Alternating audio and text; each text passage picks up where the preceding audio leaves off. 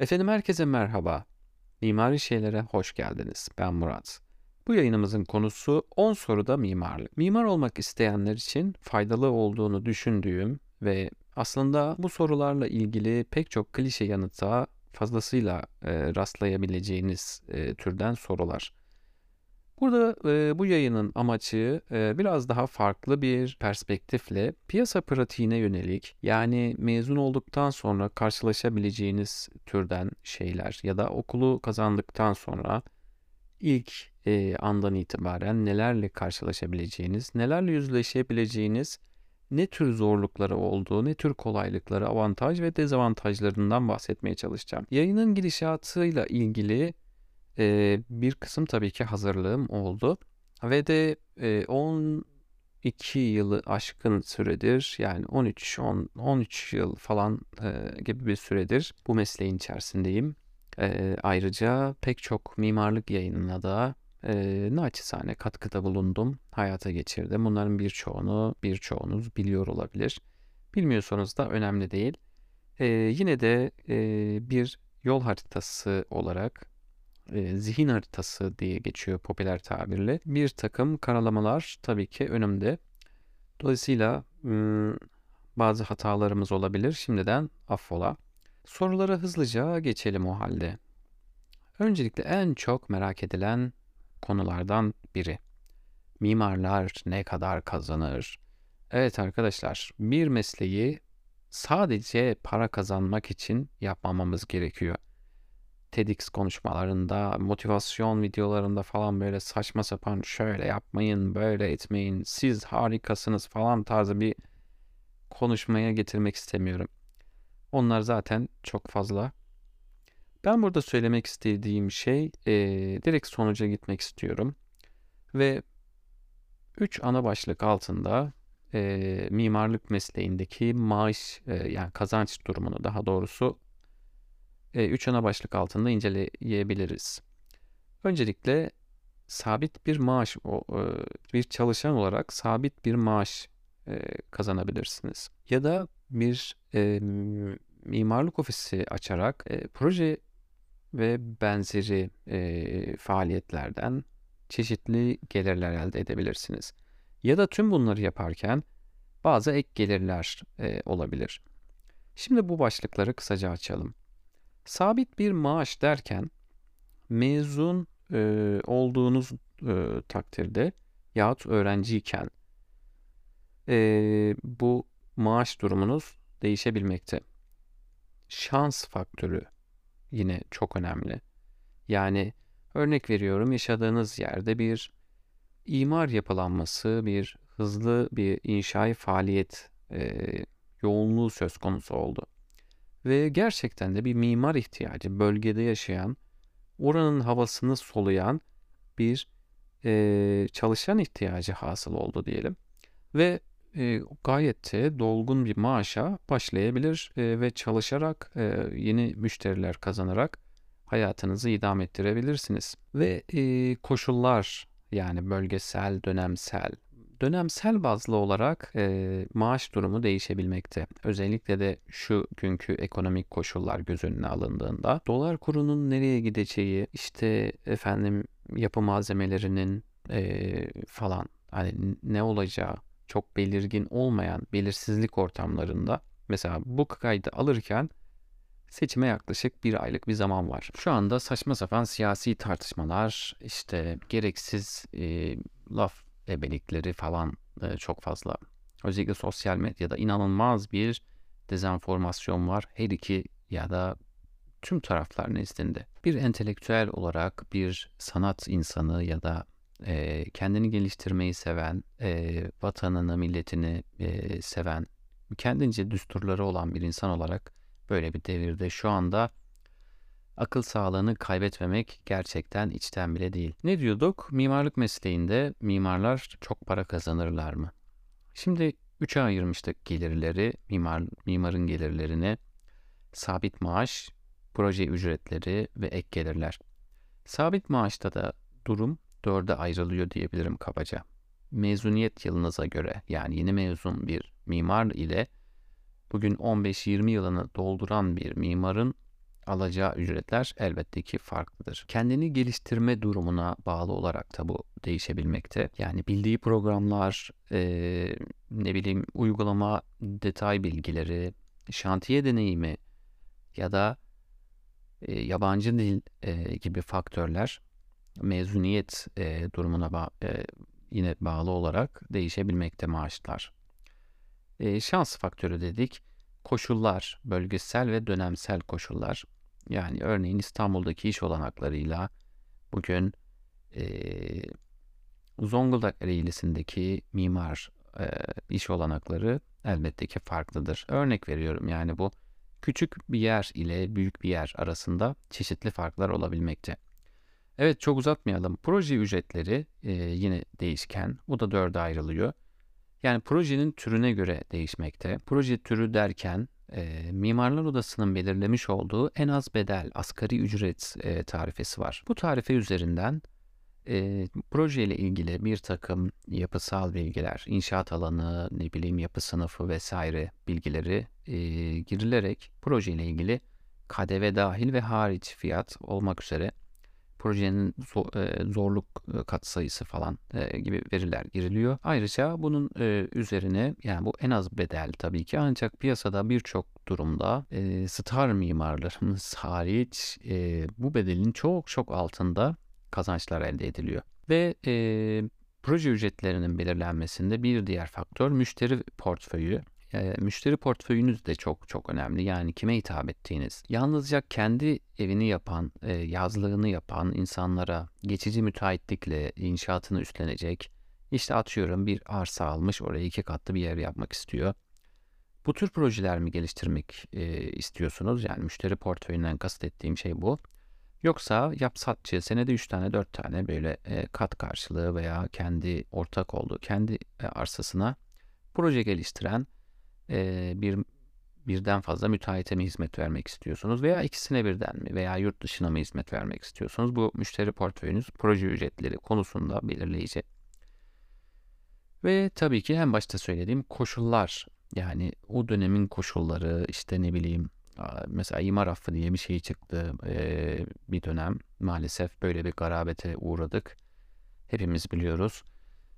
O dönemde Mimarlar cayır cayır imar affı projeleri e, çizdiler, imar barışı. Yani e, herkes gidip röleveler aldı. Mevcut yerindeki durum e, proje ortamına aktarılmış oldu böylece. Ve e, gerçekten çok çok iyi paralar kazanan e, tanıdığım, tanıdığım arkadaşlarım oldu bu işi yaparak. Ek gelirler e, ile de yine kazanç sağlamak mümkün. Örneğin grafik, video özellikle bu dönemdeki genç meslektaşlarımız e, mezun olduklarında e, zaten ufak tefek YouTube vesaire falan e, yaptıkları e, post production işleriyle işte grafik tasarım, logo, ne bileyim e, bir e, portfolyo tasarımı, inşaat firmasının tanıtım e, fragmanı, videosu falan ya da drone e, kamerası kullanarak bu tarz e, kreatif dönemin ruhuna hitap eden e, işler de yapabilmekte. Şantiye şefliği e, de yine alabilmekte. 30 bin metrekare ve 5 iş sınırı var. Şantiye şefliğinde şu anki güncel yönetmelikte. Yani bir e, yerde çalışıyorsunuz. Bir e, hasbel kadar birisinin şantiyesi var ve size dediler ki buranın şantiye şefliğini üstlenir misin? Yani teoride e, pek öyle olmasa da pratikte gayet e, şöyle oluyor süreç imza atılıyor ve hiçbir şekilde ne adamları tanıyorsun, nerede inşaat, ne oluyor, ne bitiyor hiç bilmiyorsun ve durduk yere sana o inşaat e, yapımı süresince bir para ödüyorlar.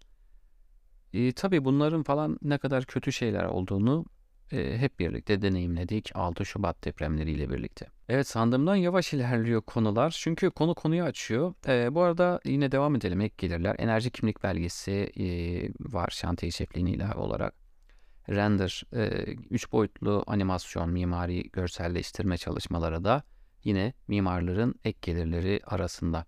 Öğrenciyken bile 3 e, boyutlu görselleştirme çalışmaları yaparken e, para kazanan arkadaşlarım vardı. Hem gerek arkadaşlarına gerekse piyasaya 3D görseller hazırlıyorlardı. Maket yaparak yine benzer şekilde gelir elde etmek mümkün. E, akustik rapor hazırlayarak da mimarlar şu anda e, bilir kişilik gibi bilir kişilik yaparak da çünkü para kazanılmakta şu anda. Bazı ufak eğitimler, seminerler var. Bunlardan sonra bir sertifika alınıyor ve bu yetkiyle e, meslek odasının tanımış olduğu bu yetkiyle bu alanda para kazanmak mümkün hale geliyor. Evet ikinci sorumuz çizim yeteneği gerekiyor mu? Mimarlıkta çizim yeteneği için e, şunu söyleyebilirim. E, hem evet hem hayır. Yani evet derken e, yani bugün pek çok mimarın hem yazısı hem e, el çizimi gerçekten berbat. Ben de dahil olmak üzere. Üç boyutlu düşünme e, yeteneği çok e, devreye giriyor. Çok önemli bir pozisyon alıyor. E, yani hatta bu noktada bir anımı anlatmak istiyorum. Örneğin ikinci sınıfın artık ortalarında yavaş yavaş teknik resme girmeye başlıyoruz. Şu anda durum nedir bilmiyorum ama aşağı yukarı böyledir yani. Dolayısıyla 3. sınıfın başlarına kadar elle çizim devam ediyor. Hatta bazı duyumlarıma göre son sınıfın son projesine kadar el çizimi. Zaten meslek hayatında sürekli elle çiz, e, bilgisayar ortamında çizeceksiniz falan deyip el çizimiyle devam ediyorlar. Bir gün e, henüz kesit çizimiyle mimaride hani görünüş çizimleri vardır, kesitler vardır, sistem detayları, planlar, e, vaziyet planı falan vardır ya. E, bu arada kendinizi bu konuyla ilgili geliştirmek istiyorsanız e, kendime kısa bir sponsorluk vermiş e, olayım. E, Udemy'de mimari projeler nasıl tasarlanır e, ve mimari tasarımlar nasıl e, yapılır adlı iki adet eğitimim var. Bir de SketchUp ile 3D kat planı modelleme e, kurslarım var. Sertifikalı e, yaklaşık e, hepsinin toplamı 12-13 saatten fazla e, süreli ve kendi kategorisine en fazla e, olumlu yorum ve puan alan kurslardır kendileri. Neyse kesiti anlatıyordum. E, bir gün bir villa projemiz için kesit çizmem gerekiyordu ama çatım da arkadaş yani bugün dahi olsa e, biraz zorlanırım yani o kesiti çizmekte. Çatı böyle alengirli, girintili, çıkıntılı falan farklı eğimler oluyor, düz devam ediyor falan. Kesiti de öyle bir yerden geçirmişim ki e, yani gerçekten çok zor bir e, pozisyondaydı ya yapıyorum yapıyorum olmuyor içime sinmiyor. Çok görüş alabileceğim kimse yok. Bir şekilde e, mimarlar odasına gittim yani. Tanıdığım hiçbir mimar yok yani. yani babam doktor olduğu için çevremizde bir mimar olmadığı için yani iki seçeneğim vardı. Ya tanımadığım bir mimarlık ofisine gidip kapıyı çalıp e, ya kardeşim ben böyle bir projem var. Bana yardımcı olur musunuz? Ki e, yine kişisel özelliklerimden biri. E, hayır cevabı alabileceğim soruları çok sormamaya çalışıyorum hayatımda. Mimarlar Odası'na gittim ve oradaki e, ablalardan biri e, bana şöyle bir örnek verdi. Bir tane elma vardı masada. Bak dedi kesit demek dedi böyle bir görünüş. Şimdi elmaya dışarıdan baktığınız zaman böyle oval, elip, e, el, elipsvari bir görüntüsü var ya. Böyle hafif e, bombeli. Şimdi bu görünüş oluyor dedi. Yukarıdan baktığın zaman şöyle ortasında bir sap ve yuvarlakça bir görünüm. Yine ortaya doğru böyle bir eğimli onu hissediyorsun. Elmayı bıçakla ortadan ikiye böldü. Şimdi ne göreceksin dedi. Aa orada bana jeton düştü ve elmanın o çekirdeğinin olduğu kısımda o yıldızlanan kısmı görmüş oldum ve elmayı bir de yatay kesti. E, bu kesitle ilgili benim bir anım. Yani e, üç boyutlu çizim e, yet, düşünme yeteneği e, bu konuda çok çok önemli. E, yani bir mekana içeriye girdiğiniz zaman hatta ilk mezun ol, e, olmadan şey vardı böyle şey çok hevesli olur e, mimarlık öğrencileri. Böyle işte yıldız, ay e, falan böyle hani plan düzleminde yukarıdan kuş bakışı bir çeşitli anlatımlar. Ama mekanın içerisine girdiğin zaman o çok anlamlı olmayabiliyor. Böyle yıldızın işte sivri köşeleri vardır falan. Hani bu tarz şeyleri çok meylediyor. Yani orada planı çizerken aynı zamanda bunun içinde bir insan olduğu zaman bu insan sağa sola kafayı çevirip yukarı çevirip baktığı zaman ne görecek, ne hissedecek? Bunları falan biraz e, düşünebilmek gerekiyor üç boyutta. Yani onun dışında eskiz çizimi e, içinde yine tasarımları gerçek anlamda hayata geçirebilmek için eskizler yaparız mesela. Ama bunlar da yine e, bir sunum e, amacı taşımaz çoğunlukla. Yani onu da kimseye göstermeyeceğiniz için e, nasıl göründüğü çok önemli değil. Yani şunu demek istiyorum. Eskiz e, çok güzel olmak zorunda değil. E, eğer müşteriye göstermeyecekseniz. Dolayısıyla burada bir yeteneğe ihtiyaç yok. Eğitim e, konusuna tekrar dönecek olursak zaten e, teknik resimle alakalı eğitim e, veriliyor. İşte kesit çizimleri, mimar yazısı, T cetveli falan e, ve piyasa pratiğinde de üç boyutlu düşünme yeteneğinin çok önemi e, önemi önemli olduğundan bahsetmiştik. Zaten bilgisayar ortamında e, pratikte çizimler yapılıyor. Gelelim üçüncü sorumuza. Mezun olunan okulun bir önemi var mı? Bazı projeler görüyorum. E, meslektaşlarım parantez içinde İTÜ yazıyor mesela. Ve bunu e, genellikle sadece İstanbul Teknik Üniversitesi'nden mezun olan kişilerde görüyorum. Yani ODTÜ yazanı görmüyorum mesela. Yani e, kısaca bir cevap verecek olursak daha doğrusu bu sorunun tek bir cevabı var. Ee, okulun hiçbir önemi yok arkadaşlar. Her şey kişinin kendinde bitiyor.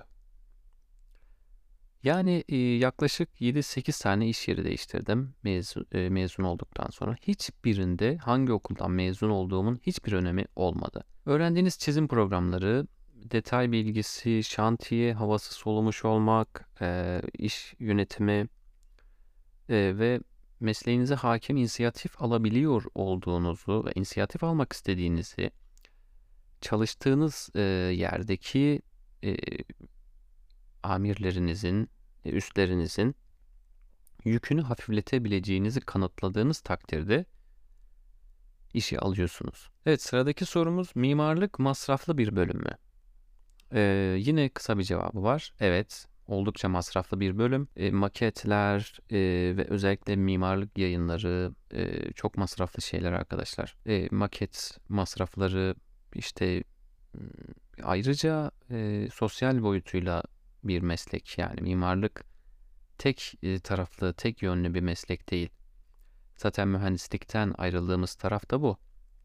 Yani gezilere katılmak durumundasınız. Ziyaret etmelisiniz, gezmelisiniz. Aksi takdirde e, yerinizde oturarak bir odanın içerisinde mimarlık üretilmez sadece. Proje yapacağınız zaman mezun olduktan sonra e, inşaat alanlarını ziyaret etmeniz çok çok önemli. E, bu e, bu tür e, öneriler ve e, böyle yeni mezun arkadaşlara, genç meslektaşlarıma e, yani ben de çok yaşlı sayılmam gerçi hani 33 yaşındayım artık. E, hani yaşlı sayılabilecek bir futbolcu yaşındayım ama henüz mesleğimin aşağı yukarı ortalarında falanım.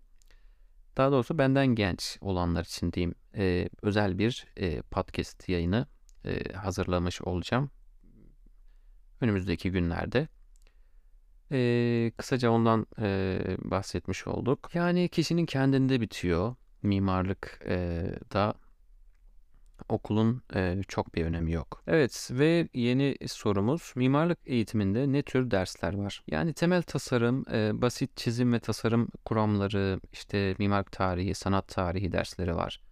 Ve ilerleyen yıllarda e, statik hesaplar, temel yapısal e, ve malzeme e, türü konular ele alınıyor. Ayrıca ilk yıllarda yani ilk yıl e, bazı saçma sapan dersler de var tabii ki yani böyle işte ne bileyim edebiyat, ne bileyim istatistik hatta inkılap tarihi gören falan bile var yani. Bu tarz dersleri hani lisenin devamı gibi. Liseler şu an 3 yıl sanırım. Sanıyorum 3 yıl. E, lise 4 gibi düşünebilirsiniz. Yani pardon benim dönemimde liseler 4 yıldı. E, şey 3 yıldı. Şu anda 4 yıl olarak eğitim devam ediyor.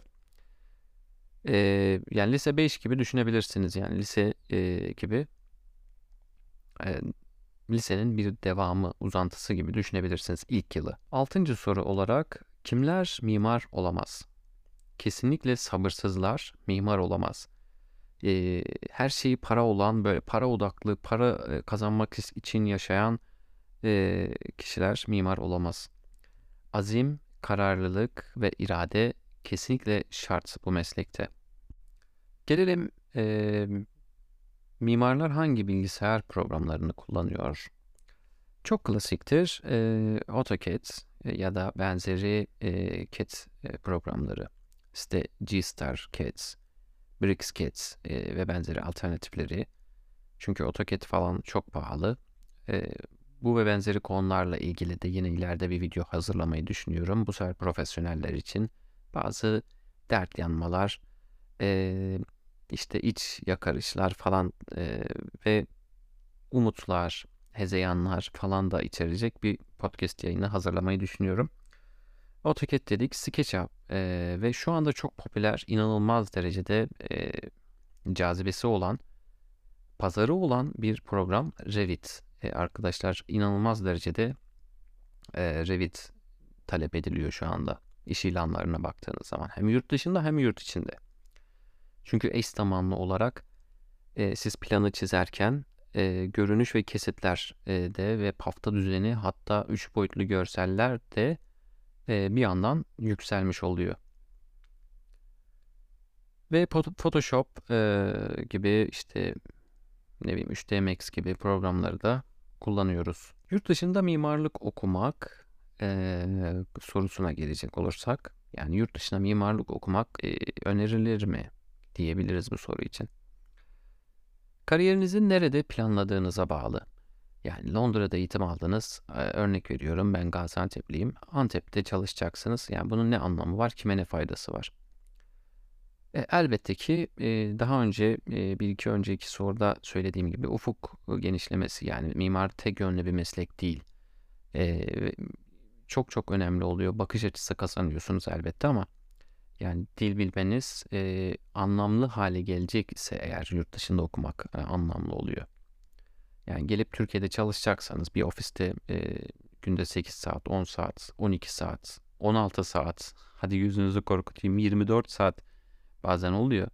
Bazı projelerin yetişmesi için çizim yapacaksanız siyah ekranda böyle habire e, teknik resim yapacaksanız o zaman yani ne anlamı kaldı e, Harvard'dan ne bileyim Stanford'dan mezun olmanızın. Mimarlar ne tür işler yapabilir? Yani nerelerde çalışabilir sorusu. E, sondan bir önceki sorumuz, dokuzuncu sorumuz. Yani genel itibariyle dört başlıkta ben toparlamışım. Belediyeler, e, devlet, kamu işleri gibi, özel ofisler ve akademisyenlik olarak e, dörde ayırabiliriz. Özel ofislerde tabii ki birinin yanında çalışmak, yani bir kurumsal bir firmanın çatısı altında faaliyet, hizmet vermek ya da kendi ofisini açarak hizmet vermek. E, kamu işlerinde de ya atıyorum e, Çevre ve Şehircilik Bakanlığı'nda bilmem ne biriminde bir denetmenlik yapmak işte. Evrak kürek işleri falan hani daha çok ihalelerin hazırlanması süreçleri olsun. E, iş yeri e, teslimi, iş bitirmeler falan. Belediyelerde proje onay imar müdürlüklerinde çalışılabilir. Fen İşleri Müdürlüğü'nde çalışılabilir. Ya da e, ruhsat müdürlüğünde bile çalışılabilir yani.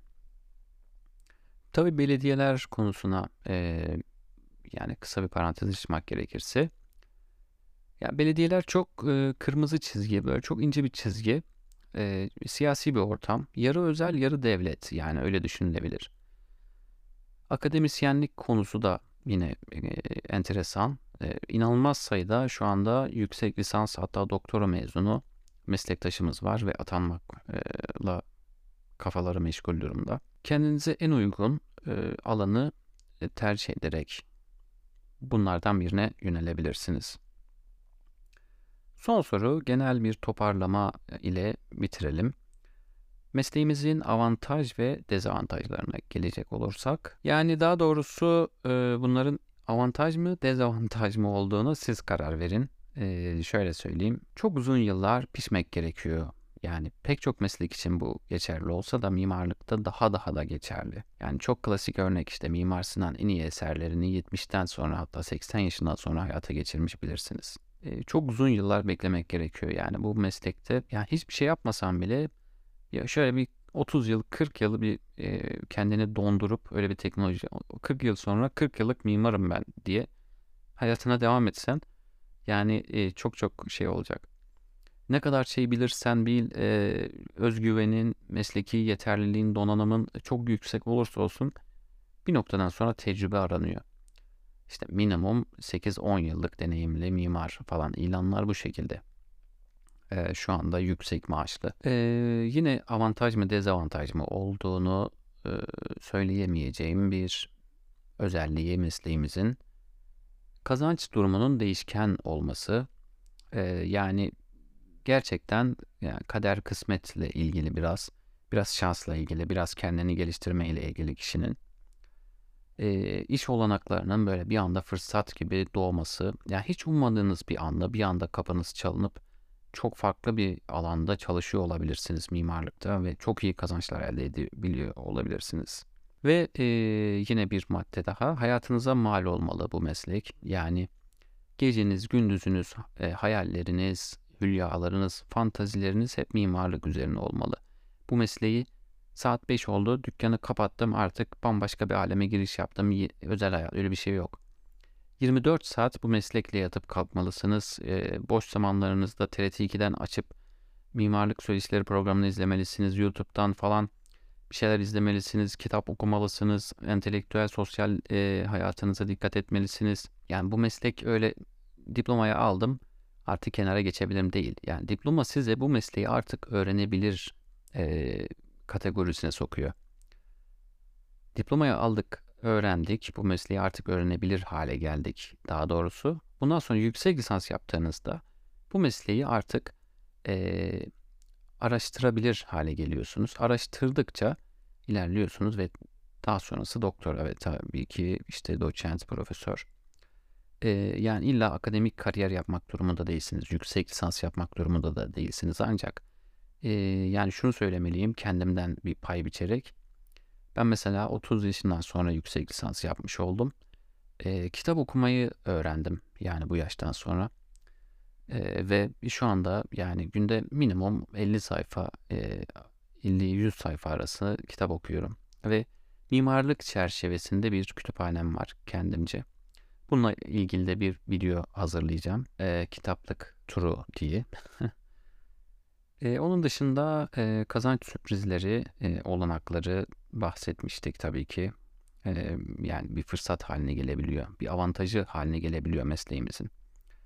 Ve bürokrasi, yenilikler, trendler e, bunları takip etmek. Sürekli zinde olmak yani e, kondisyonu e, iyi olmak gerektiriyor mimarlık. Yani e, pek çok konuya değinmiş olduk. Mimarlıkla ilgili e, merak ettiklerinizi yine mimariseyler.com e, adresinden e, orada iletişim formlarımızdan, sosyal medya hesaplarımızdan paylaşabilirsiniz.